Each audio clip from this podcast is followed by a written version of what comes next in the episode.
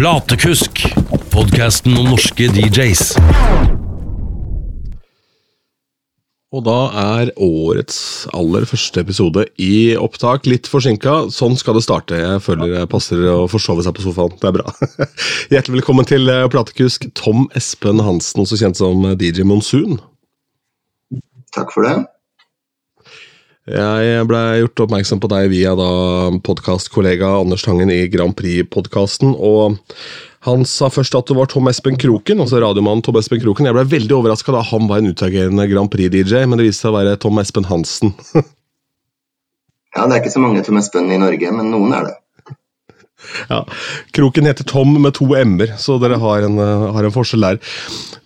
Men uh, dette DJ-navnet ditt, la oss begynne med DJ Monsun. Jeg fikk umiddelbart assosiasjoner til en låt som Monsun fra dette tyske bandet på tidlig 2000-tallet. Hvor kommer navnet fra? Eh, det er egentlig, det er mange som har spurt, det er egentlig helt tilfeldig. Eh, jeg begynte å game for x antall hundre år siden, eh, og så bare måtte jeg ha et navn som ingen andre hadde. Så da tenkte jeg Monsun, det er litt sånn fyrig, og så legger jeg på en ekstra U, og så er det bare jeg sikkert som har det navnet. Ja. Og så har jeg bare tenkt at ja, men da bruker jeg det, og så, så er det jo litt sånn en monsun er jo styrtregn og mye vær, og når jeg spiller, så kan det også bli mye vær. Vær i form av, form av god stemning. yes. Ja, altså Timingen for denne poden eh, med, med, deg som gjest eh, ligger jo da i momentet at NRK og Norge nylig slapp da artistene for Melodi Grand Prix 2023. For det er vel grunnbasen i mye av det du gjør, det er Eurovision og Grand Prix? Ja, absolutt. Eh, mitt første DJ-gig ever var at jeg bare spurte eh, lokalpuben i Trondheim liksom, jeg, hvor jeg kjente de som drev det. Og så kan ikke vi ha en sånn Grand Prix-tema en gang? Og så ja, kan du gjøre det? Og så bare ja, det kan jeg sikkert. Og så funka det kjempebra. Og så var spiren som DJ eh, sådd. Hvor kommer interessen for Eurovision fra, da? Altså, falt du i gryta? jeg falt i gryta. Eh, I 1982 så det jo forrige århundre, så, så, hadde pappa var litt sånn teknofrik, så vi hadde VHS-spiller, og det var ganske tidlig, faktisk. Og vi hadde én sånn VHS-kassett, da. Eh, og så, Da var jeg ikke gamle karen, men man så jo på det som var. Jeg hadde jo en kanal og en videokassett å se på. Eh, og så var eh, mutter'n og fatter'n på fest, så de tok opp dette Grand Prix-greiene og så på det dagen etter. og Da så jeg på det tre-fire ganger om dagen eh, et par måneder. Og så kom fotball-VM i 1982, så det kan jeg også mye om. så han tok jo over eh, min passion. Han skjønte ikke at det, at det stakk så hardt, men, eh, men da var spiren sådd, og jeg kan jo det meste utenat fra 80-tallet. Liksom det, det, setter seg i et barns lille hode. Mm. Jeg husker også denne VHS-biten der, for vi hadde også bare én TV-kanal. Eh, da vi fikk to, så satt pappa og zappa mellom de to, så det forandra livet hans. Men det er så, det er en helt annen historie. men eh, den, eh, vi hadde jo da barne-TV, da, som fetterne mine tok opp til meg. og da er det som gjorde kanskje mest inntrykk, dette er tidlig 90-tallet, det var reklamefilmene. For jeg så igjen den VHS-en tilfeldigvis her for en stund tilbake. Eh, ikke en stund tilbake, dette er ti år siden nå sikkert, men allikevel, det var mange mange år etter at jeg fikk den. Og det var de der gode gamle reklamene for eh, alt mulig rart. Pizzafyll, husker jeg var det. ja. Dette er pizzafyll. det var rappen, ja. Men eh, ja, så da ble det Så det er tilfeldig da, at det på en måte ikke er fotball fotballquiz-spesialist du er, og isteden Grand Prix-DJ? Ja, det var det som satt lengst, for å si det sånn. Men jeg følger med på fotball-VM òg. Interessant kombo, da, for jeg føler at veldig mange hardcore Grand Prix-fans de er ikke så opptatt av fotball, men det er begge deler. jeg er litt spesiell. Jeg liker sport og fotball, og ingenting er så bra som når jeg kommer fra Trondheim, når Rosenborg spiller, eller landslaget spesielt. Da er det litt sånn Jeg liker litt sånn konkurranse land mot land og sånn, og landslaget i fotball er litt sånn Eurovision over det òg. Mm. Satt på spissen. Hva, hva, med årets felt, da? Som før vi går videre i DJ-ting. Hva, hva, tenker du om eh, de kandidatene som Norge har eh, dratt opp av hatten? Um, jeg tror Stig Karlsen har gjort en god jobb, både låtmessig og artistmessig. Litt nytt, litt, uh, absolutt litt gammelt, uh, litt fresht. Uh, og også de få altså Vi har fått hørt ett minutt av hver sang nå. jeg er fornøyd med det jeg har hørt så langt, men jeg har lyst til å høre hele låta, selvfølgelig. Eh, men også, jeg ser jo i det internasjonale Grand Prix-miljøet at det blir godt mottatt. Og det er mange som sier at Norge, eh, altså kvaliteten på Norges låter de siste tre-fire-fem åra eh, har vært veldig høy. Kan ikke, kan ikke alle bare delta i Eurovision, er det mange som sier fra Europa. Så, så, vi har en høy standard, og så får vi se om det er en eller flere sanger som stikker seg skikkelig ut. Mm. Det er ikke du som er DJ-en til Subwoolfer, forresten? Nei, det er ikke jeg som er DJ Astronaut. det hadde vært noe. jeg trodde jeg hadde skup, jeg. jeg tror nok jeg vet hvem de to andre er, men akkurat hvem DJ Astronaut er, det er jeg litt usikker på. Jeg mistenker at den drakta fylles ambulerende. det kan hende. Så, og det er ikke sikkert at det er en person engang. Men, men de to andre er jeg ganske sikker på hvem er. Men de velger å holde det hemmelig. Da trenger jeg å si det høyt i sosiale medier heller. Ja, det blir spennende å se om kanskje det blir avslørt under eh, årets uh, finale. Skal du på finalen, eller er det kanskje dumt spørsmål? Jeg faktisk altså, Jeg har jo reist internasjonalt siden 2007, hvert år egentlig. Men, men akkurat så har jeg vært litt heldig at jeg bodde i Oslo, da, at det stort sett har vært finale i Oslo. Så jeg var der ikke forrige gang det var i Trondheim, og jeg har ikke tenkt meg opp dit nå heller, faktisk. Kanskje jeg heller holder en skikkelig bra afterparty et sted i Oslo etter finalen. Sånn at Oslo-folk får det litt om. Ja, klart det. klart det. Minner meg om eh, en tidligere gjest i denne podkasten, eh, Trym Nevestad, eh, som er stor Deppers Mode-fan. Var jeg i Bergen og så Deppers Mode og sendte han en melding. ja, 'Hvor skal vi møtes? Skal vi ta en øl?' Så skrev han tilbake 'Jeg skal se de neste gang de kommer til Norge'. ja, ikke sant. Men after, after, Nei, nei, ikke jeg heller. Det, var, eh, det er ikke Det er også det koster penger å reise, du skal bo, du skal alt mulig rart. Og så er det forpliktelser eh, da, ikke sant. Sikkert i Oslo med jobb og ting og tang også, alt mulig rart som man må flytte på. Så. Um, men afterparty, når du var inne på det, du, du gjør eh, Hvor ofte gjør du Grand Prix-ting eller Eurovision-ting på, på Cæsar, for du har en sånn residency der? Ja, altså Det har jo vært litt forskjellige steder. Eh, jeg har eh, blitt kjent for å holde MGP afterparty, særlig når det har vært eh, finale i Oslo. På ulike steder. Og det har gått veldig bra stort sett alltid. Folk drar liksom fra Oslo Spektrum og opp dit og er skikkelig gira og vil høre vinnersangen sju ganger. og Det er liksom noe helt eget. Og folk kjenner meg, folk vet at da blir det bra, bra greier. Og da, da kommer de. Eh, men jeg husker første gangen jeg holdt et MGP afterparty. Det var på um, Potta, av alle ting. Og Da er det en stund siden lesbisk bar eh, et sted som var lagt ned for lenge siden. Da var jeg litt spent. Det var like etter at jeg flytta til Oslo.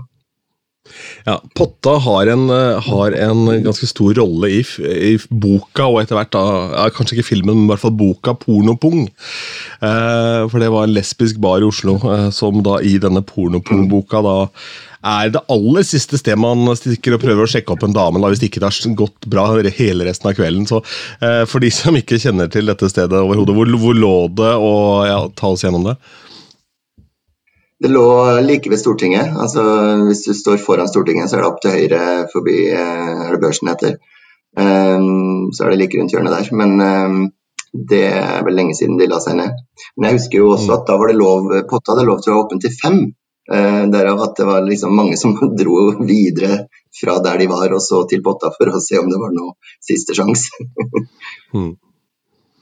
uh, ja, hvordan var det um, med første festen der? Altså, det, ja, dette er mange år siden. da. Når, hvilket årstall snakker vi om? Uh, jeg tror, hvis jeg tenker meg om, så kan det ha vært sånn ca. 2004 pluss minus. Uten at jeg har sjekka. Mm.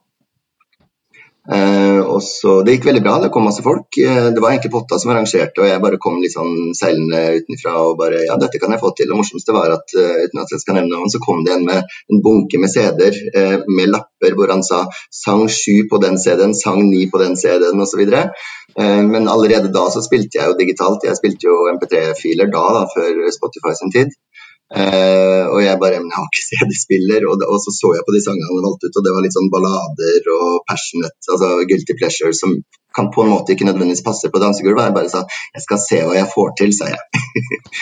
Um, så, så, det er klart, det er, det er mye forskjellige folk, spesielt på disse altså, særegne Grand Prix-festene. Da får du litt sånn kreti og pletti. Uh, men uh, alle kan alle sangene utenat, og det er noe helt spesielt.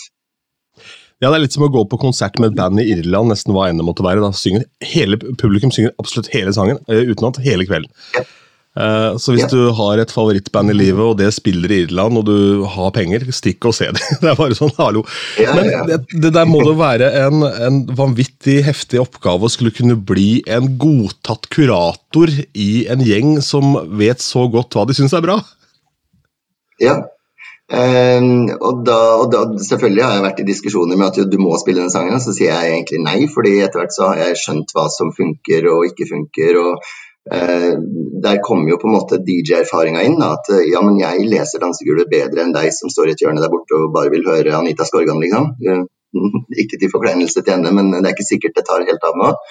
Uh, og jeg, jeg, sier nei, altså, eller så sier jeg Jeg prøver å ærlig da, at nei, den får du ikke. Istedenfor at jeg sier ja, den kommer sikkert, og så må de stå der og vente. Da får de heller foreslå noe annet som er litt mer f.eks. løptempo eller uh, og så er det jo det med Grand Prix at det, det, er jo ekstremt mye å ta av, altså både internasjonalt og, og, i Norge og nasjonale finaler i andre land. Uh, sånn at uh, ofte så kommer folk bort til meg og hører en sang jeg har spilt, og så bare du, det, kan ikke du spille den sangen, for den er jo nesten i samme gata. Og sånn, så jeg det var et kjempegodt forslag, Eh, den kommer neste. Så mm. det, det, er inspirasjon også å få de. Ja, helt klart. Og jeg jeg var jo to runder nå fredag og lørdag på, på, Old Irish på, på Majorstua. Det var, var helt stappa sjappe, faktisk. Jeg er veldig overraskende den første helgen i året. Det forventer på en måte ikke det. Og mm. da eh, kommer det opp en jente og Dette er et sted som er ganske ungt klientell med veldig gammel musikkprofil og ganske strikte regler. De spiller veldig, ikke noe hiphop, ikke noe russelåt, ikke noe Balenciaga og sånn. ikke sant? kommer det en jente opp, da, det er et 25-årslag som er det første som skjer liksom det kommer opp der klokka ni. begynner man faktisk å spille. Og så kommer det en jente, kjempeflott, blond, rosa kjole, og så tenker jeg ah, shit, nå blir hun lei seg. Det er liksom Oppi hodet mitt så må jeg si til henne at dessverre det er feil sted for den sangen du vil høre. Og så sier hun følgende setning. Kan jeg få ønske meg en låt? Så ja, du kan prøve. Eh, vær så god. Det hadde vært mulig å få høre Boney M med Ma Baker. Ja. hva, hva, er det som skjer? du, var, da, altså, du var ikke påtenkt for Ja, mammaen din var ikke påtenkt at låta var populær, liksom. Ungdom har alltid vært litt sånn at de begynner å grave litt i det foreldrene hører på som de har hørt litt. og sånn. Jeg husker at jeg hadde en sånn Beatles-periode jeg midt på 80-tallet hvor jeg bare hørte på Beatles en hel måned nesten. Eh, mm. så, så, den eldre generasjonen påvirker også den yngre, for å si det sånn. Ja, og så mye sosiale medier og filmer og TV-serier så jo Kate Bush nå. Det var jo helt, helt vilt. Mm. Um, hvordan, uh, hvordan, bygger man opp en kveld uh, med Eurovision og Grand Prix som tema? For det er mye å ta av, men jeg føler at liksom, du har de i hvert fall de siste årene så har du de uh, Kall det Eurodance-låtene. Det er det veldig, veldig mye av. Og så har du de store balladene. Det er liksom litt sånn spredt, da, ikke sant? Sånn, I hvert fall i mitt hode. da. Mm. Eh, hvordan, hvordan, bygger man opp denne kvelden? Hvordan legger man, man det hele opp? For at eh, det, altså, det er lett å bare spille hits på hits på hits. ikke sant? Ja, ikke sant. Uh, nei, uh, jeg starter ofte med blanke ark jeg, og ser an folk. Uh, jeg spiller jo fra Spotify, og, og, det betyr ikke at jeg sitter hjemme og lager en liste som jeg nesten bare trykker play på. jeg kan ha et par-tre forslag til meg selv. ofte hvis det er litt lite folk i starten, så kjører jeg litt sånn mid-tempo. Da er det veldig mye å ta av. før jeg liksom bygger det opp. Ballader spiller jeg ekstremt sjelden. Kanskje, altså Jeg tar gjerne en ballade som siste låt, og da blir det jo allsang og rolig dans, kan du si. Men, men, eh, målet mitt er jo at folk skal egentlig hoppe opp og ned på dansegulvet så lenge de orker. Eh, så, så tempoet går opp så fort det kommer litt folk, og da ser jeg de, og så kommer de med innspill til meg, og så skjønner jeg litt hvor landet ligger. Eh, og av og til så kommer de med sånne ting som bare Hæ, vet du, det var bare jeg som kunne den sangen. Nei, den vil jeg ha nå. det er jo en takknemlig oppgave at det er mye å ta, men også lett å drukne på så dypt vann. da, Hvordan ja, den, den, den, lista di kan jo bli altfor lang. Ja, jeg aldri, får aldri lagt inn alle mine egne ønskelåter, for å si det sånn. Eh, tida går fort. Og, og, det er en blanding av at jeg prøver å spille litt sånn litt uh, ukjente sanger som jeg syns er dritbra, som kanskje veldig få har hørt, men som liksom nesten burde ha vunnet Eurovision, og så kom de ikke videre fra landet sitt engang. Uh, og selvfølgelig det alle føler at de må høre på en Grand Prix-fest. Uh, men jeg prøver, og har prøvd, å skygge unna de største, kan du si, altså La det svinge, Waterloo, Eh, den pakka som alle forventer at alle sitter og nyhører på på en Eurovision-kveld. Det, det, er ikke derfor man kommer, for det hører man egentlig i samfunnet ellers uh, uansett. Så, så hakket kan du si over uh, de mest kjente, eller under om du vil. Uh, men som folk som følger med på MGP, Eurovision, kanskje Melodifestivalen, den sangen som kom på tredjeplass i forrige fjor, liksom, den er dritbra. Da spiller jeg den. Ja, du får på en måte ikke den slagerparaden med bare hits som mann i gata kanskje eh, skulle ønske seg. Du bør jo være litt overjensentlig interessert for å virkelig kunne nyte den festen her, kanskje. Med mindre du bare hiver deg på bølgen. Ja, jeg, ja, ja, ikke sant? jeg har en fin historie fra da jeg var DJ i Stockholm i 2016. Veldig bra Euroclub-konsept med tre forskjellige DJ-er, tre forskjellige steder, og det var masse folk. Eh, og så på, på ofte spilt etter finalen. Eh, enten den offisielle eller fan-delen av det. Uh, ofte så, så, er det artister rundt omkring osv., men så kommer det en som gir meg badgen sin. Jeg er liksom den og den personen fra Sverige. Svenske delegasjon. Og kan du ikke bare spille årets låter? Og I 2016 så var det ca. fem uptempo-låter.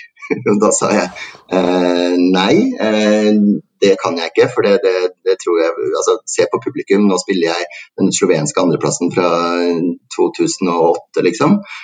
Um, og det funker. Så at du ikke kan noen Grand Prix, men bare har hørt det i årets låter, det er ikke min skyld. Og hvis jeg bare dytter det inn på de, så blir det dårlig stemning. Men, uh, men du må gjerne snakke med sjefen din hvis du vet hvem det er. Så det er ikke jeg som uh, Altså, det er noen her som har sagt at det er jeg som skal spille i dag, og da spiller jeg sånn som jeg vil. Og da gikk han faktisk ned og bare oppå. mm.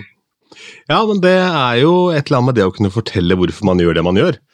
Å kunne forsvare mm. sine valg. Jeg har jo i arbeidslivet, og mange har sikkert kjent på det, at hvis du egentlig vet hvordan noe fungerer, og så får du beskjed av en sjef at ja, men sånn er det bare, men ikke hvorfor det er sånn. og Det er jo sånn ekstremt frustrerende. Mm. Um, og ja, Han får ha litt kred for at han da gikk da, og ikke fortsatte å krangle. Ja, han kom ikke tilbake. så det, det, Jeg tror han skjønte at uh, han, selv om han hadde en badge med delegasjon og greier, så, så hadde han ikke mer makt enn det der. Ja, det er bra. Godt å høre. Eh, jeg kan egentlig ikke skjønne at denne jobben som du da hoppa litt inn i, som For hvis man søker Grand Prix DJ, så er det stort sett du som dukker opp. Eh, er det mange av dere? Det er ikke så mange. Eh, og det er en blanding av at jeg vil kanskje tro, særlig i Norge, at de som kommer på f.eks. MGP afterparty, de, de kommer faktisk, altså Veldig mange kommer tilreisende til Oslo. og liksom Denne festen skal jeg ha med meg. Det er den festen jeg har kanskje denne måneden eller de tre månedene. og Det er helt fantastisk å få høre den sangen på stort anlegg. ikke sant? Og, så, så, så, I Norge så opplever de ikke sånne fester så ofte. Uh, mens internasjonalt så altså det er jo utrolig mange tilreisende fra hele Europa til de internasjonale finalene som, som er uh, skikkelig ihugga uh, altså De vil feste med Grand Prix-musikk, og de vil synge og skråle, og de vil gjøre dance moves osv. Så, uh, så det at det ikke er flere Jeg hadde en venninne fra 2015, hun er fortsatt en venninne, men hun var faktisk med meg som internasjonal DJ i 2015-16. Uh, og var dritnervøs og sånn, men uh, hun sa den, den opplæringa på en måte i, i hermetegn du ga meg på hvordan ting fungerer, det har vært gull verdt. Og hun, hun, var stor suksess. Første kvinnelige Eurovision DJ Never, og Hun kosa seg masse, og så har hun lagt det litt på is etterpå. Um, og um, siden jeg ved en tilfeldighet starta i 2007, så har det liksom blitt en sånn tradisjon, og folk vet hvem jeg er. Og når de booker meg inn, så, så vet de egentlig hva de får, og at det funka i fjor. Så funker det sikkert i år også, og sånn har det egentlig vært. Hvordan starta interessen for, fra utlandet da, for å kunne gjøre internasjonale gigs? Ehm, det var via Grand Prix-klubben, altså OGA1 Norway. Ehm, formannen der visste at jeg skulle til Finland i Helsinki i 2007. Ehm, og så bare sendte han meg en eh, tekstmelding, tror jeg. Hei, jeg vet du skal til, eh, til Helsinki, og de, de spør etter om, om, det, om, vi har noen DJ, så jeg vet at du spiller på, på Elsker, blant annet. Er det noe du kunne tenkt deg? Altså, ja, det, det hadde vært interessant. Um, da, og han fra Finland han ringte meg jeg tror, en, jeg tror det var andre påskedag eller noe sånt. Veldig tidlig en søndag eller noe sånt. Uh, eller kanskje det var en mandag. Um, uh, og bare skulle sjekke at, uh, at, jeg kom og at jeg hadde med meg eller hvilket utstyr jeg hadde med. Så jeg tar med PC. Ok, ok. og så ble det liksom Kan du spille i morgen også? Kan du spille i morgen også?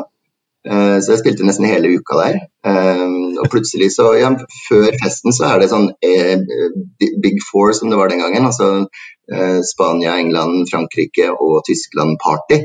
Kan du spille bare sanger fra de landene? Og da tenker jeg oi, du har møtt riktig person.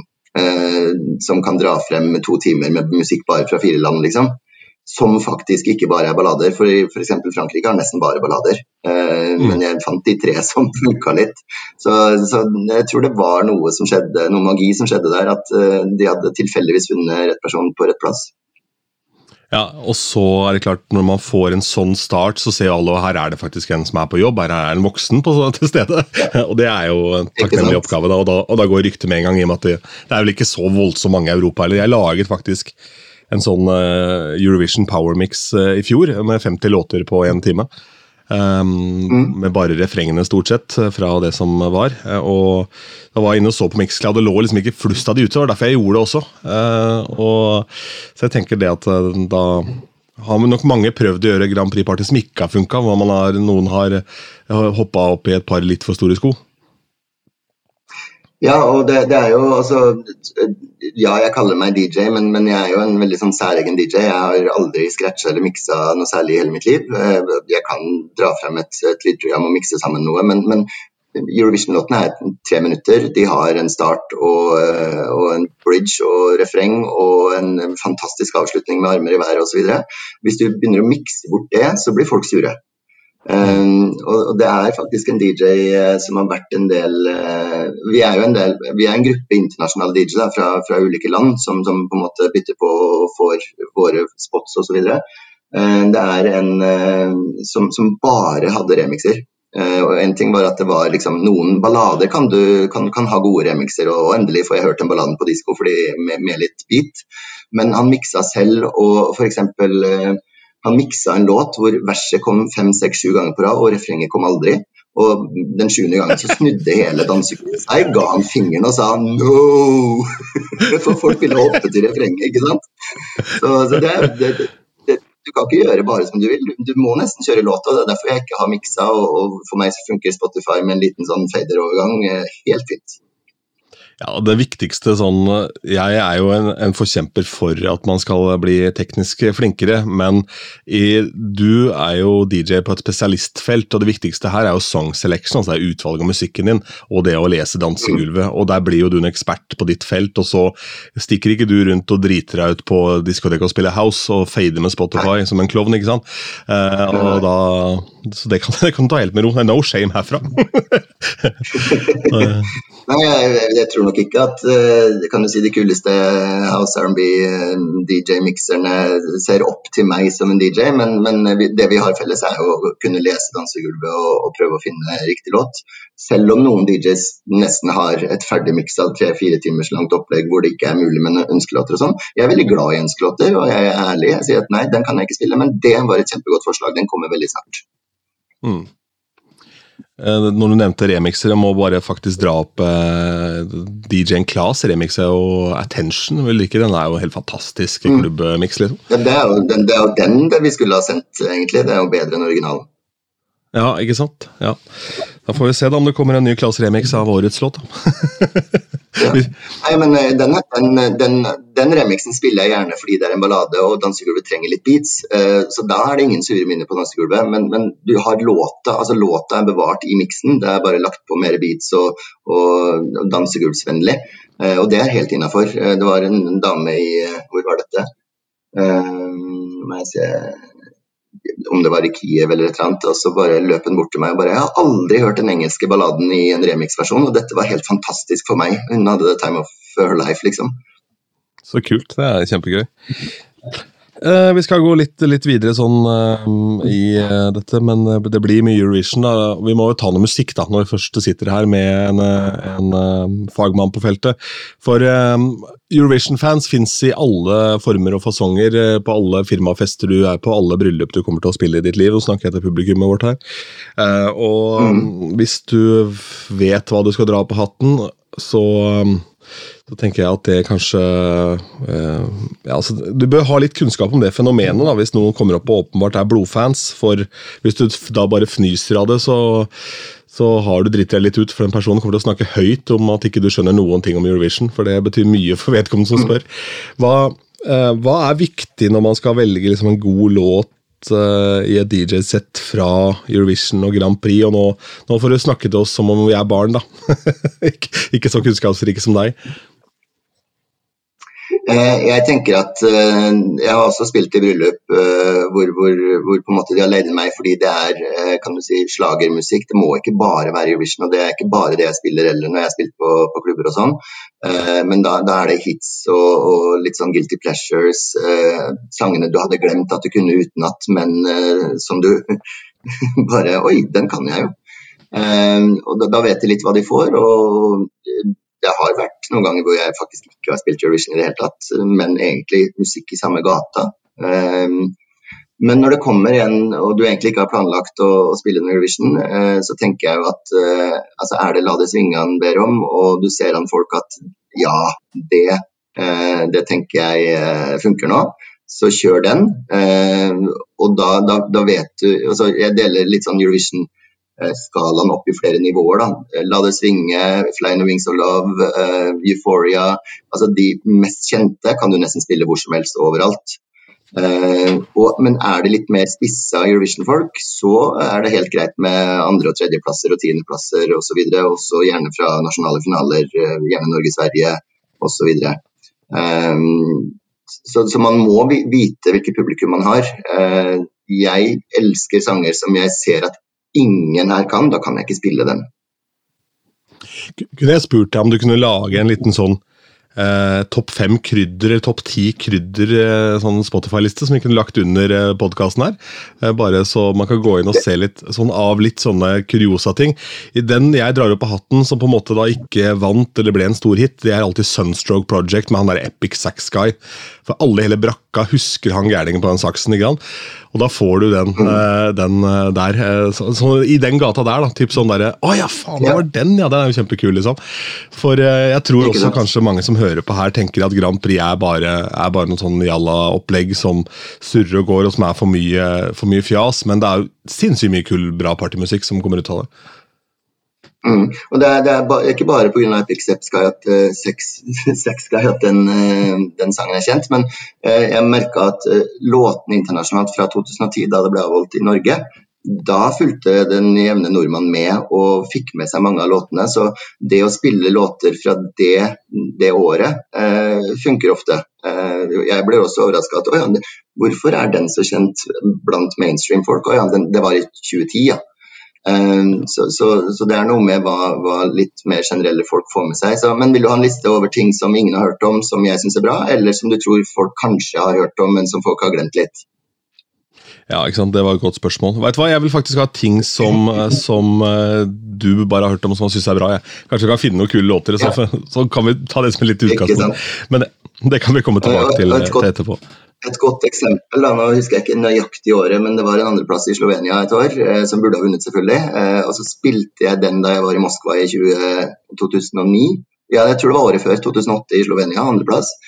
Eh, så spilte jeg den der eh, i Moskva. Der, der fikk vi ikke lov å være på Euroclub, for der skulle det bare være de hippeste russiske DJ-ene med mikser osv. Så, videre. så Så fansen fant et annet sted som vi bare okkuperte, egentlig, og alle kom dit istedenfor. Eh, og så spiller jeg den, uh, som er ganske etnisk, men likevel opptempo. Uh, og så løper Jostein Pedersen av alle bort til meg. Og han bare 'Hva er dette for noe? Dette må jeg bare ha. Kan du lage en CD til meg?' Jeg hadde aldri møtt Jostein Pedersen før, men han var jo, han var jo på alle mine VHS-kassetter og kommenterte, liksom. Jeg bare ble litt starstruck også. Uh, så jeg laga faktisk en CD til han, og han var kjempeglad for det, og brukte den sangen også seinere når han eh, har vært litt DJ og sånn. Eh, så det er en sånn typisk eh, sånn låt. Ja, helt klart. helt klart. Jostein Pedersen var jo da Mister Grand Prix i Norge i veldig mange år, for de som, som ikke nødvendigvis er like gamle som oss, og har kanskje en av de dypeste røstene du noen har hørt i ditt liv. ja, det kan du si. ja, han, han, ga flengende hard, beinhard kritikk på, med meget mye bass. og det var... Hans eh, mest kjente sitat er jo og det svenske par eh, har like mye sceneutstråling som bokhyllen, bokhyllen Ivar fra Ikea. For der sto de. det var en annen tid, det.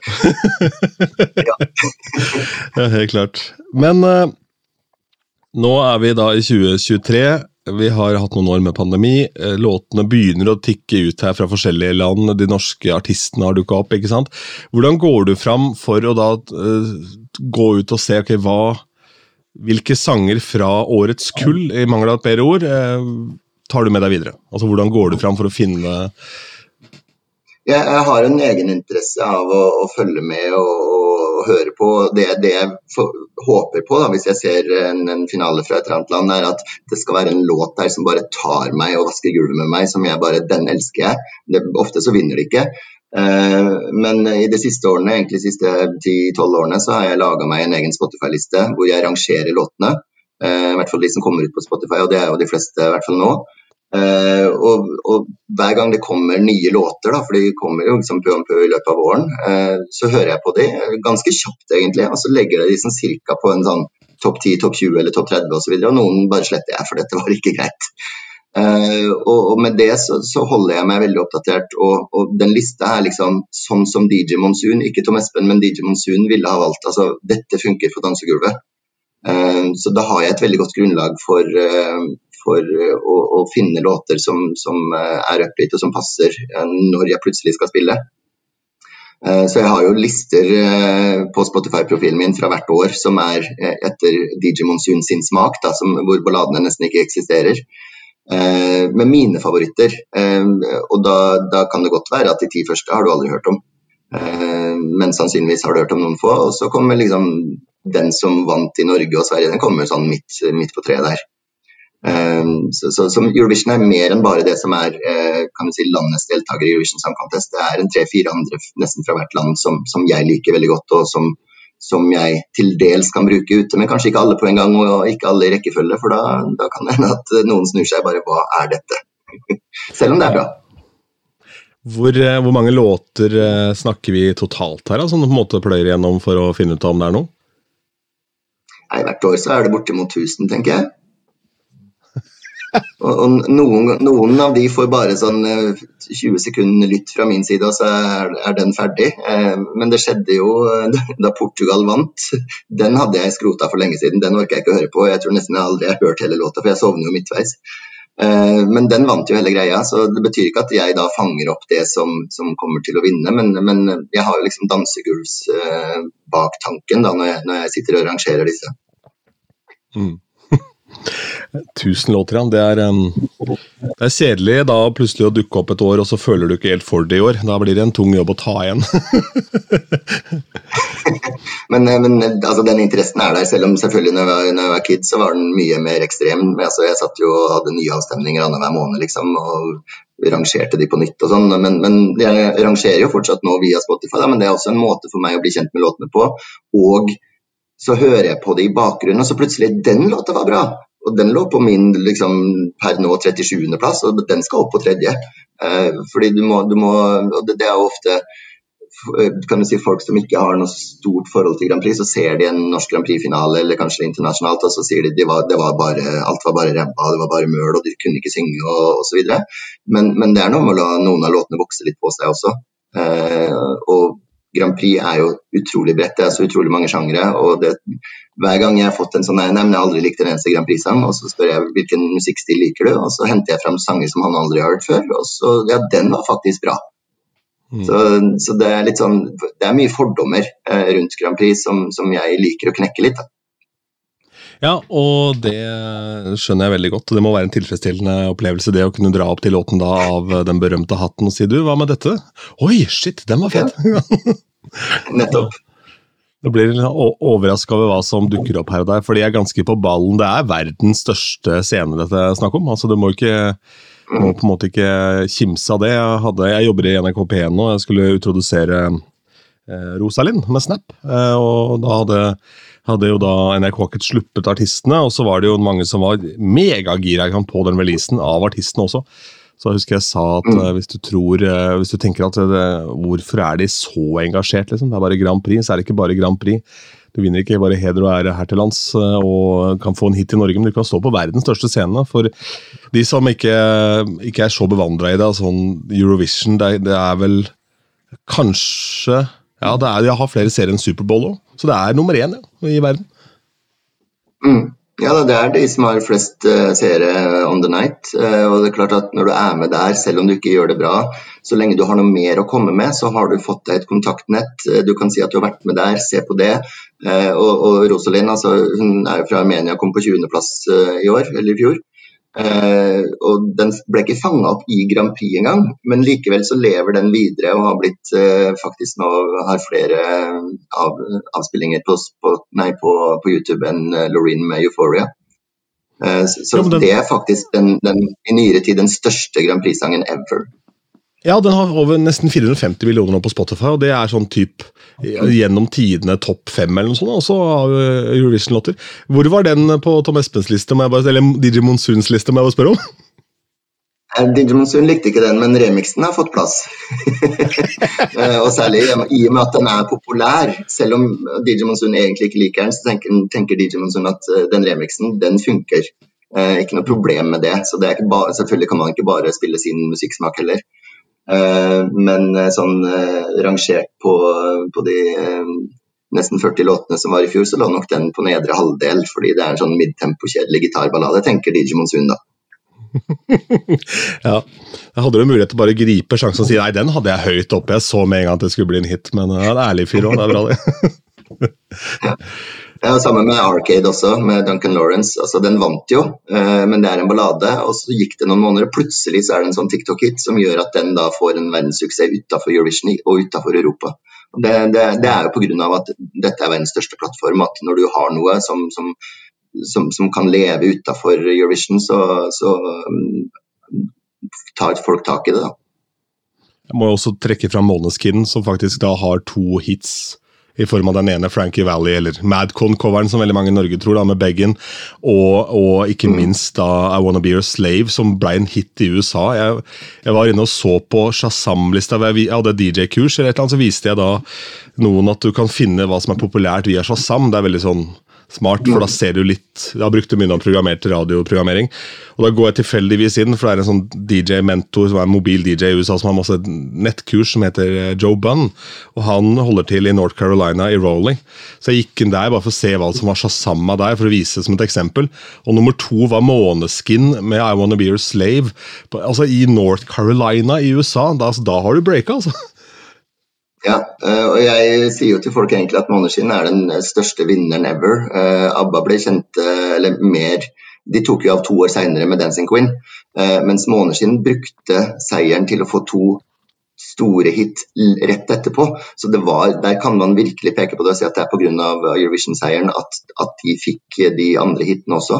Og, og, og Beggen var jo en låt de hadde gitt ut for ett eller to år siden, som, som folk da hadde søkt opp Måneskinn på, fanga opp og Eh, som gjorde at jeg ble deres neste hit. Og så kom I Wanna Be A Slave også. Mm. Og selv i år, når de spilte den eh, Nei, de hadde spilt den inn i forbindelse med San Remo-festivalen året før.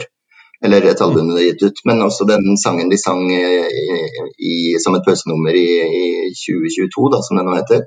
Uh, den ble også en minor hit, faktisk, uh, rundt omkring i Europa. Uh, uten at den tok helt av. Så så um, jeg vil påstå at de er større enn Céline Dion og ABBA, fordi de klarte å bruke seieren umiddelbart, mens de andre bare brukte plattformen og kan du si, kontaktnettet og jobba videre og jobba videre og ble kjente.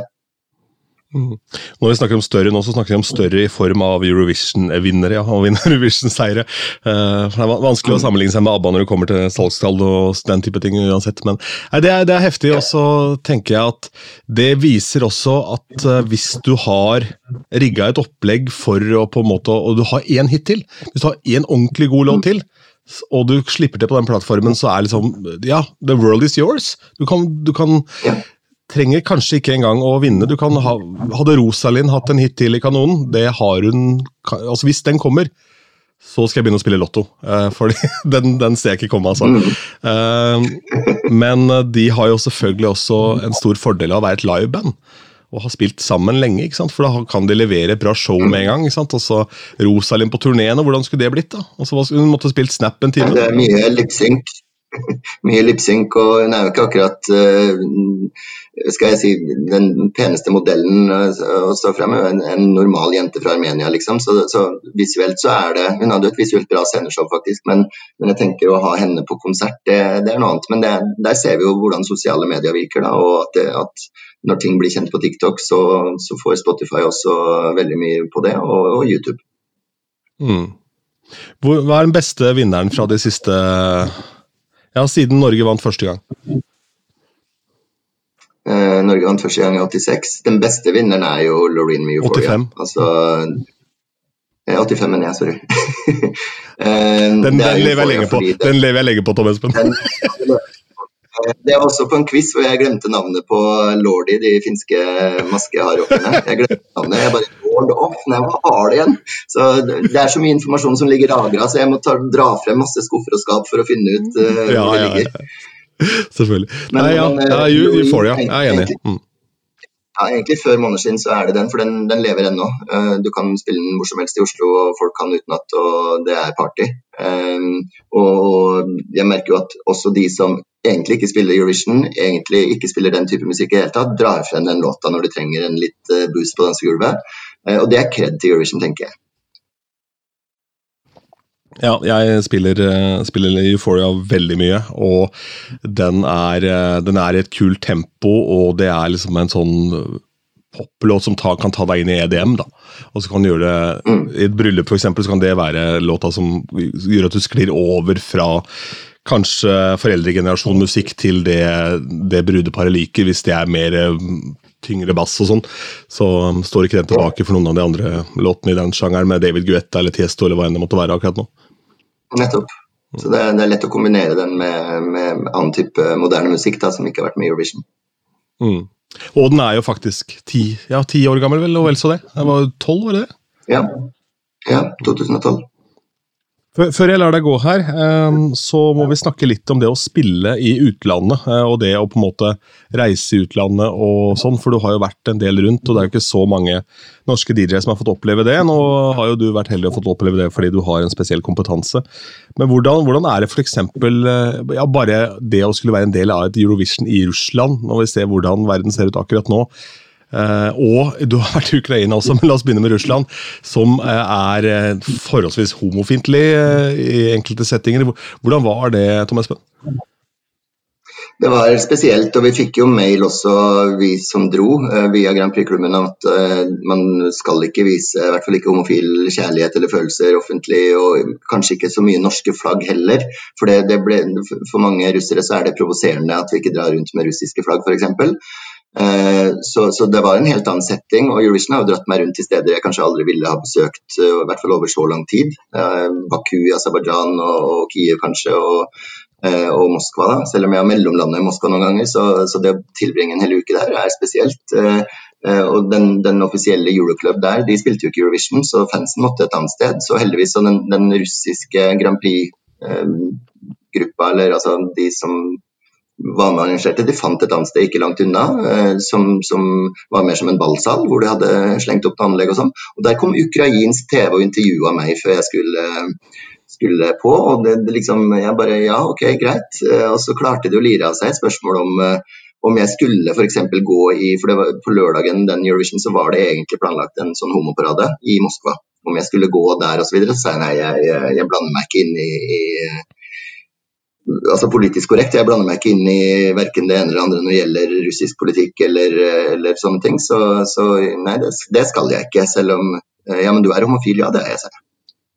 Så, så det, var, det, var, litt uh, merkelig. Uh, Uh, og i Aserbajdsjan så var det jo sånn at de hadde tenkt å ha Eurovision DJs på Euroclub, men før jeg kom nedover så var det en tysk DJ som hadde spilt en remix av det armenske bidraget fra 2010, det som var i Norge. Apricot Stone, en remix av den, og dermed så ble all Eurovision Music banna fra den klubben. Ja. Så, så, da ble det ikke noe oppdrag der, men vi fant en liten eh, Jeg tror de åpna en liten sånn kjeller-homoklubb eh, i to uker for oss, eh, som, som var på, måte, på, veien hjem fra arenaen og inn i sentrum. De visste ikke hva som slo de, de hadde 20 Grand Prix-låter på en, sånn, en eller annen maskin som ikke var Spotify i hvert fall. Så de gikk jo på omgang, og politiet sto utafor og passa på oss.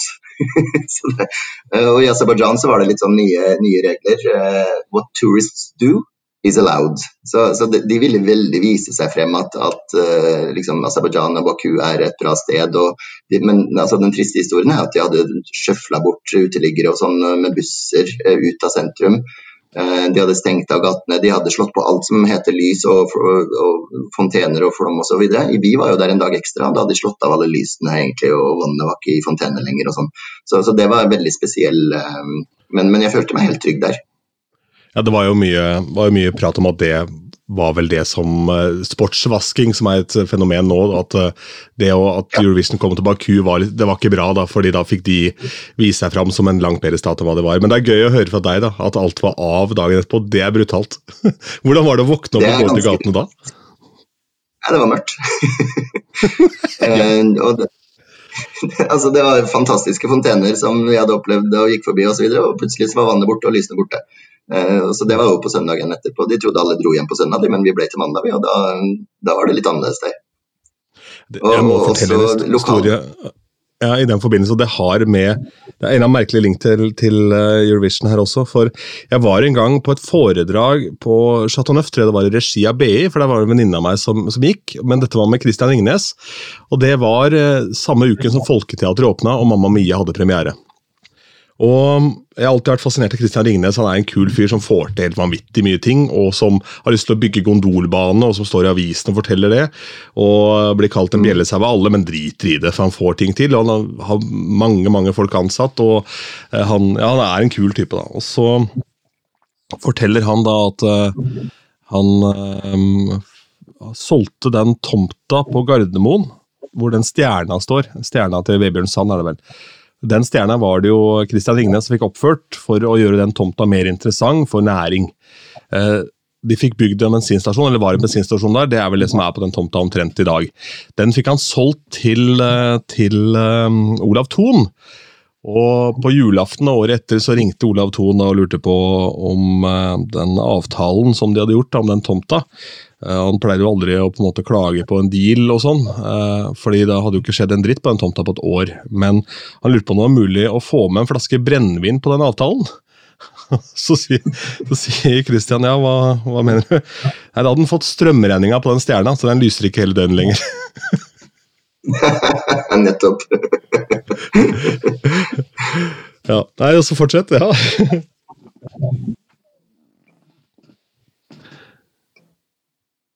Hva sa du? Ja, du kan, ja, du kan fortsette. Baku, ja. Men der ble det mørkt der ja, også. Baku. Nei, og Også de lokale der. Eh, de, det virka for oss som om de var innleide skuespillere, fordi de kunne to setninger på engelsk. 'Welcome to Baku. How do you like Baku?' Og når vi svarte, så bare gikk de. For de kunne ikke mer. Så, så det, det, var veldig spesielt. Og de hadde jo også, Vi reiste jo via Istanbul, det er ikke noe direktefly til Baku, egentlig. Eh, og eh, Vanligvis må man ha visum for å komme inn i Aserbajdsjan, men hadde du Grand Prix-billett, så slapp du visum. Så, så det, er snakk, det jeg vil kalle det, altså, musikkvasking eller sportsvasking, det, det, er veldig mye likt der, altså. Wow. Det, det, må være spesielt å ha vært en del av? Mm. Og så har du motsetninga når det er i 2016 i Stockholm, hvor, eh, hvor de vet hva som kommer. De har laga et stort partytelt utafor slottet, liksom, ved, ved, vannkanten der, som fungerer i to etasjer. og det er plass til utrolig masse og sånn. Eh, det eneste negative med Stockholm er at vaktene er veldig strenge, så du skal ikke se berusa ut når du kommer. Strengere enn i Oslo, faktisk, i Stockholm.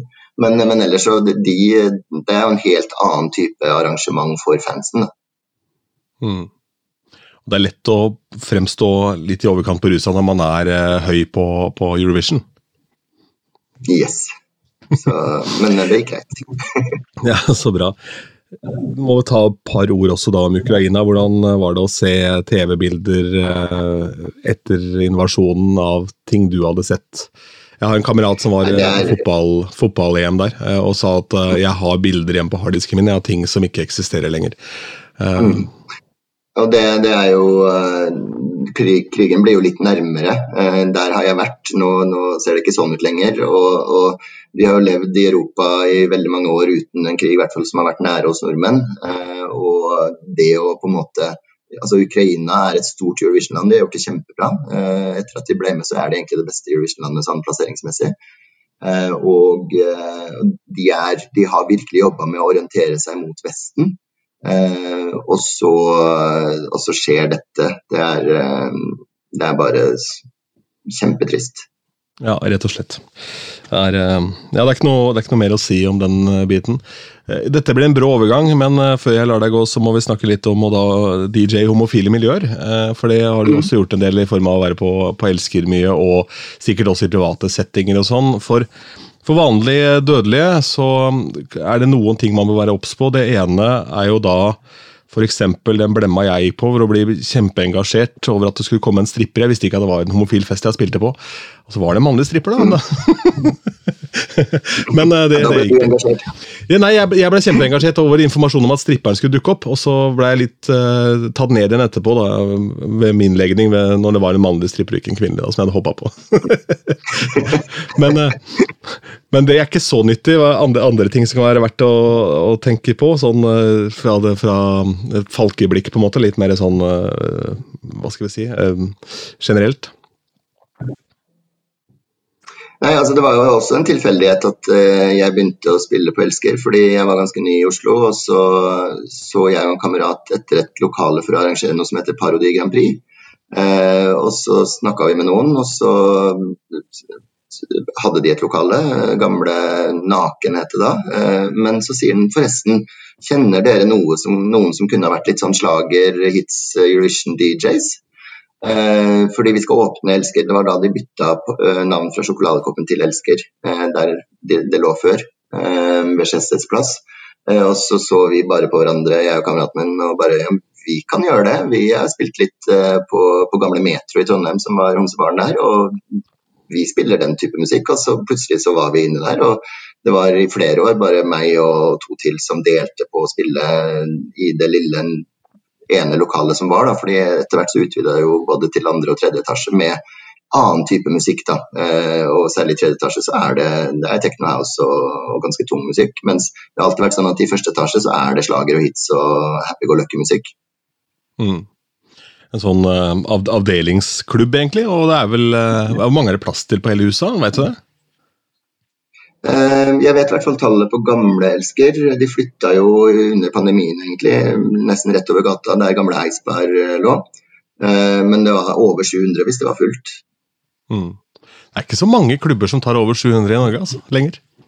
Nei, det er ikke det. Så jeg vil jo, det har jeg også sagt at Elsker både nå og da er Nord-Europas største klubb for homofile og lesbiske osv. Eh, fordi trenden i Sør- og Midt-Europa er mer at det er små barer med litt sånn musikk på, og plutselig så kan det være dansing mot, mot midnatt osv. Eh, mange små eh, barer og kafeer osv. Og, så videre, og ikke noe stort disko som egentlig det var mye før.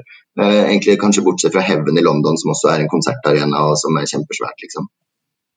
Ja, og en superklubb. Det er, eh, ja, den er, den er heftig. Jeg har vært der en gang. Jeg skulle se Paul van Dijk. Fikk beskjed om at han gikk på klokka fem om morgenen. Så det var bare å dra hjem igjen. For jeg hadde gått på norskfylla, jeg. Ja. ja, og jeg var der en gang, og plutselig så kommer Charlie XCX, eh, og det visste jeg ikke. Så plutselig er hun på scenen, liksom. ikke sant? Men ja, eh, men i eh, DJ-gigs da, i homofile miljøer sånn Det er jo det, jeg har ikke masse erfaring med det, men jeg syns de festene ofte er det er lettere å få i gang. da, Fordi folk er veldig sosiale. og eh, I form av å være homofil så er det mange som ikke har barn, eh, og bruker den sosiale arenaen mer enn det man typisk gjør når man blir satt i et parforhold. ikke sant? Da er man ute på julebord og driter seg ut. Mens eh, man er en del av et byliv og mer pulserende, og Og så er man også ofte, har jeg inntrykk av, da, glad i musikk som uh, egner seg bra å danse til. Da. Altså, jeg vet ikke, Det er jo Mm. bare tanker her, med generalisering også, selvfølgelig. Men det er i hvert fall de inntrykkene jeg har fra de festene jeg har vært på, hvor det har vært eh, brylluper, eksempel, homofile brylluper og, og den type ting. Um, men um, er det noe man bør ta hensyn til? Er det noe man bør være klar over, sånn i form av kanskje hvordan man kommuniserer? Altså, jeg aner ikke, for, Hvordan blir man respektert da, ut av blokka? For, Jeg, jeg, jeg, tenker at det er en veldig takknemlig oppgave å være DJ eh, både på homofile utesteder og i Eurovision-sammenheng, fordi eh, folk vil gjerne høre det som folk vil høre. Altså det, det er veldig eh, De har en forventning om å høre siste hits og en del 90-tallsmusikk, 80-tallsmusikk. Eh, altså det, det skal være, hvis de ikke kan synge med til det, så er det kanskje ikke greit nok. Eh, nå, må du, nå må du spille noe vi kan snart, ikke sant? Uh, og, og, samtidig, så, som jeg sa, jeg er veldig glad i ønskelåter. Og stort sett så kommer det faktisk veldig gode ideer som jeg bare Ja, når du sier det, så er jeg helt enig med deg. Rart jeg ikke kom på det selv. Uh, så, så, så, det er et samspill egentlig med, med de som er der, som, som jeg liker veldig godt. Uh, og veldig mange respekterer Nei, den passer ikke inn. Ok, men, men, kan du spille Carola, da? Ja, det kan jeg. ikke sant? Altså, det, er, uh, det, gir seg veldig fort når de, når de ser seg rundt. Uh, vi spiller ikke metal og deep house osv. stort sett, men når de ikke får det, så spør de etter det som er mainstream. Og bare 'Å ja, du vil ha Carola, ja, men det skal vi finne frem til'. Og, Jeg har en uh, historie, og det er fra da jeg var DJ på afterparty i Stockholm i 2016. Uh, vaktene var som sagt strenge, og de kom bort til meg og sa at du må slutte. De fikk lov til å holde åpent til fire. Det var ikke noen alkoholservering mellom tre og fire, men de fikk lov til å holde til fire. Og de sa klokka fire så trekker vi ut kontakten, og så sier jeg greit. Og da hadde jeg, hadde jeg to og et halvt minutt på meg, og så bare nå kommer balladen. Og så spilte jeg Monster Like Me med Mølland og Deborah Scarlett uh, fra året før. Uh, det var jo veldig mange skandinaver der, det var mange nordmenn der. Uh, og den måtte jeg da kutte i det bridgen og hele poenget med låta kommer. Uh, og lysene ble slått på, musikken er kutta, og publikum synger resten av sangen selv. og det var ikke min skyld. Jeg visste at det kom til å skje, men jeg kan ikke, kan ikke få skylda for det. så, så det, det, er et veldig genuint publikum å spille for. De, de elsker deg stort sett hele tida. og det, det og samtidig det, det, gir deg den energien som, som, du trenger for å være på deres lag. Da. Eh, hva ville jeg ha dansa til nå hvis jeg var ute der? Ja, og så er det en fordel å komme godt forberedt. Alltid, ikke sant? Og så Vit hva du kommer til, og gjør det forarbeidet, slik at du kanskje kan sende en melding til en fyr som heter Tom Espen da, og høre om det er Du, jeg trenger noen Grand Prix-tips. Altså, noe, jeg må ha noe krydder. det, er jo, det er en av mine kjepphester å hjelpe hverandre sånn uh, internt. Altså, snakke med en voksen i ny og ne, en som kan noe du ikke kan. For, uh, for du må levere på gigen uansett, og hvis du da rett ut av blokka har hvis du da ikke som deg spiller fra en strømmetjeneste, men har ditt eget musikkbibliotek da, i form av minnepinnene du kommer med, mm. og nettet ikke er tilgjengelig, og så har den minnepinnen ingen Eurovision-hits, da driter du deg loddrett ut. ikke sant? Jo... Ja, da gjør du det. Så, så, hvis du er avhengig av å, å, ta med deg musikken, så er det greit med litt forberedelse, absolutt. Mm. Absolutt. Men det går, det går, veldig mye i det som er dansbart, som har vært på hitlistene de 20 årene også, og kanskje helt ned til fra 80-tallet. Men, men, ikke for mye av alt. Altså, et par sanger fra 80-tallet, så er det greit i et par timer. Så kan du dra noe frem igjen.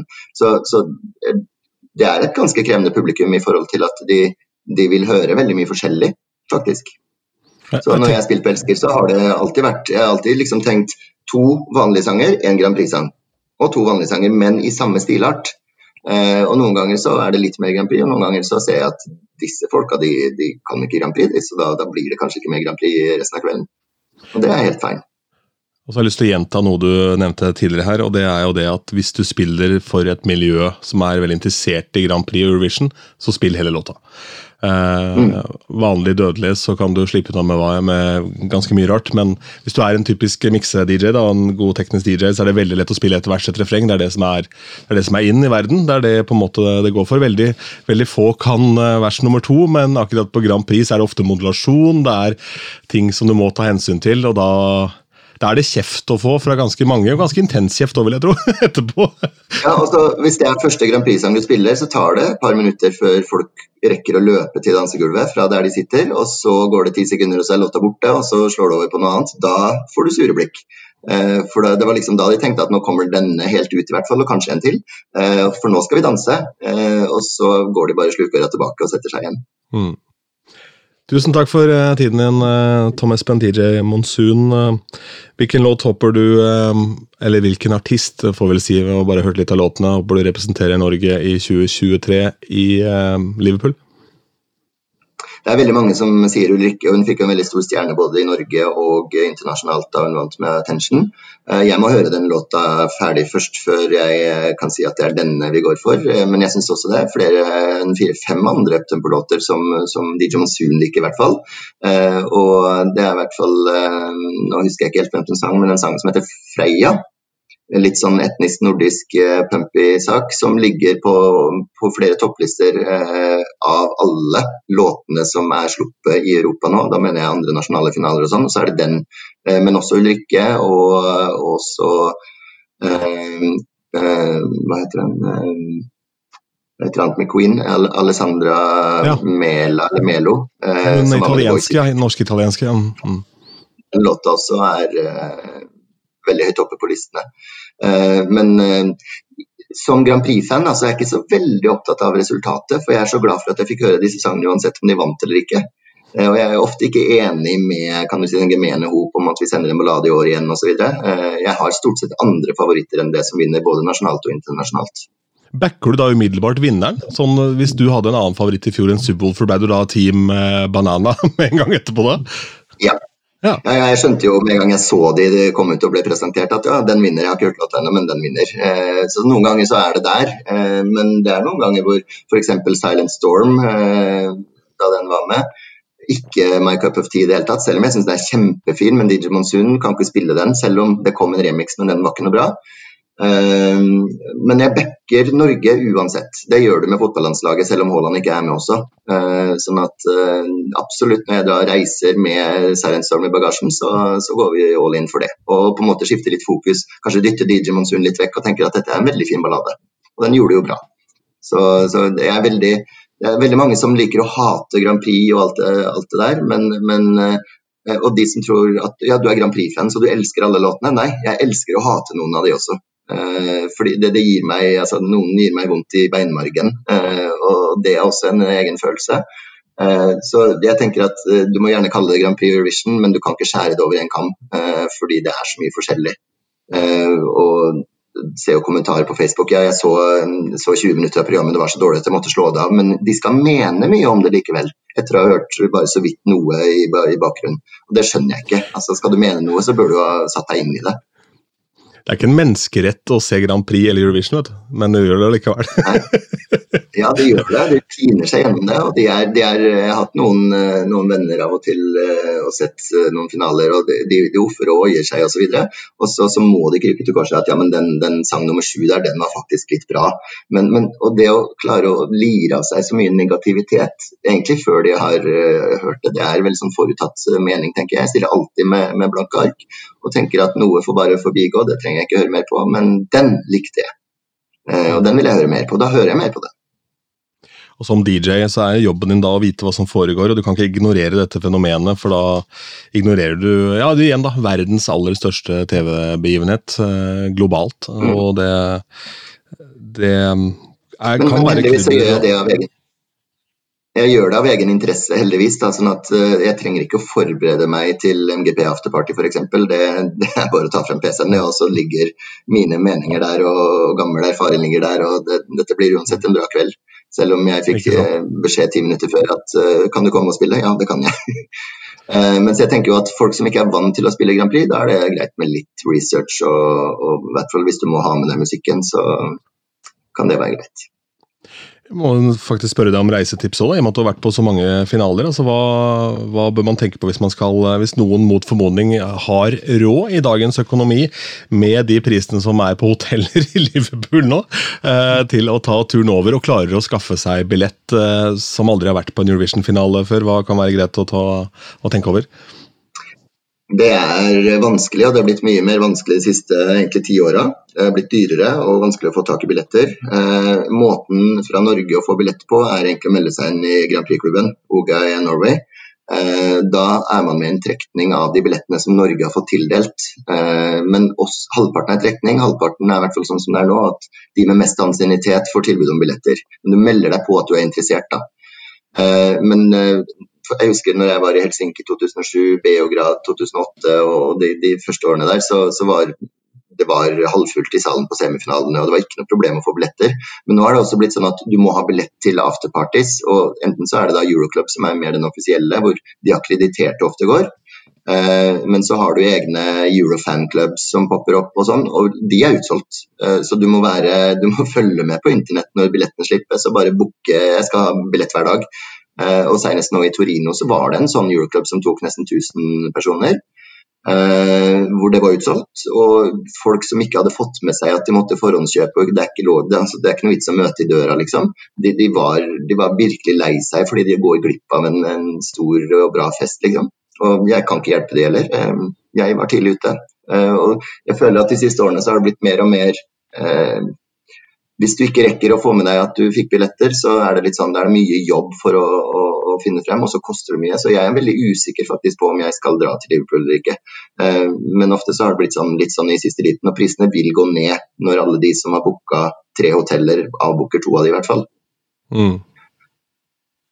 Så um, Jeg er fortsatt usikker på om jeg drar til Liverpool, uh, men jeg vet jo at uh, mine internasjonale DJ-venner de har allerede begynt å planlagt, og det er flere. kanskje, Jeg tror nok Liverpool blir en bra fan um, uh, experience, fordi det er flere steder hvor, det, hvor, hvor vi på en måte Eurovision DJ-ene er blitt satt opp til å spille, da, hvis vi kommer.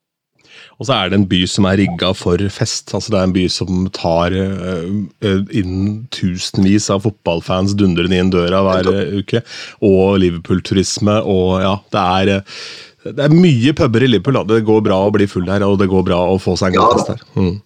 Det er ikke noe problem, det. Men, men jeg syns jo synd på de som F.eks. det var noen journalister fra Dagbladet som, som, kom i kontakt med meg og bare jeg hadde en billett til kan du si, fanklubben. da Eh, til overs eh, ene dagen, og de hang seg på fordi journalister Det var ikke noe automatikk at de kom inn, så de ville bare se Eurovision fra den sida også, ikke bare inne i arenaen. Men de, de klarte ikke å få, få, tak i noen billetter der. Så det, det, det, er litt synd at du må være så utrolig forhåndsplanlagt. Så hvis du bare tenker at jeg drar til Liverpool, og så har du ikke noen billetter, da, da får du se det fra utsida veldig. Mm. Det, men igjen, da. Det er forberedelse, det òg. Og det er verdens største TV-begivenhet, så det er klart det er, det er mye ståhei. det er eh, Eller halloi, kan vi kanskje si. Det er mye halloi rundt, rundt Grand Prix Eurovision. Nå er, det, nå er, det, i gang. Første delfinale dukker opp da på, på lørdag. Denne episoden her slippes uh, da onsdagen denne uka som kommer. Vi snakker sammen på søndag her. Takk for eh, tiden din, eh, Tom Espen. Kult å høre, og deilig å høre noen eh, snakke med en sånn glød og intensitet om noe de virkelig har peiling på og passion for. Det er en fin måte å starte året på. Takk for det. Og så var det veldig hyggelig å bli invitert som på en måte en litt annerledes DJ, kanskje i forhold til mange du snakker med. Og jeg er ikke redd for at folk ja, andre DJ skal se nei på meg. Nei, du trykker bare på play på Spotify osv. Men eh, jeg tenker at det vi, har, det vi, har, felles, er jo det å lese dansegulvet. Det å, altså, hele målet er jo å få folk til å ha en uh, bra kveld.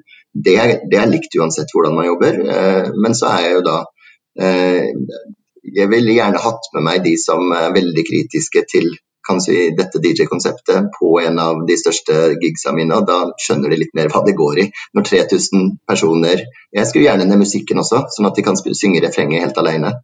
Eh, og det gjør de, og, i takt, så da skrur jeg bare opp når refrenget er ferdig, så har de kost seg. ikke sant. Og du er vel heller ikke redd for at du får umiddelbar konkurranse på, på, feltet ditt. Så jeg tenker hvis en kollega ramler over et bryllup, alt er i orden, han har eh, kanskje vært litt seint ute med å avdekke hva dette brudeparet vil ha, det viser seg at de er mega Eurovision-fans. Eh, er du åpen for å hjelpe en stakkar i nød? Ja, det er jeg. Det er bare å ta kontakt. Eh, og, eh, men, men, ofte, så hvis de er mega Eurovision-fans, så har de booka meg allerede. men eh, hvis man ramler uti det, så, så er det bare å ta kontakt. Herlig. Tusen takk. Ha det. Bare hyggelig. Ha det bra. Du har hørt Platekusk, podkasten om norske DJs.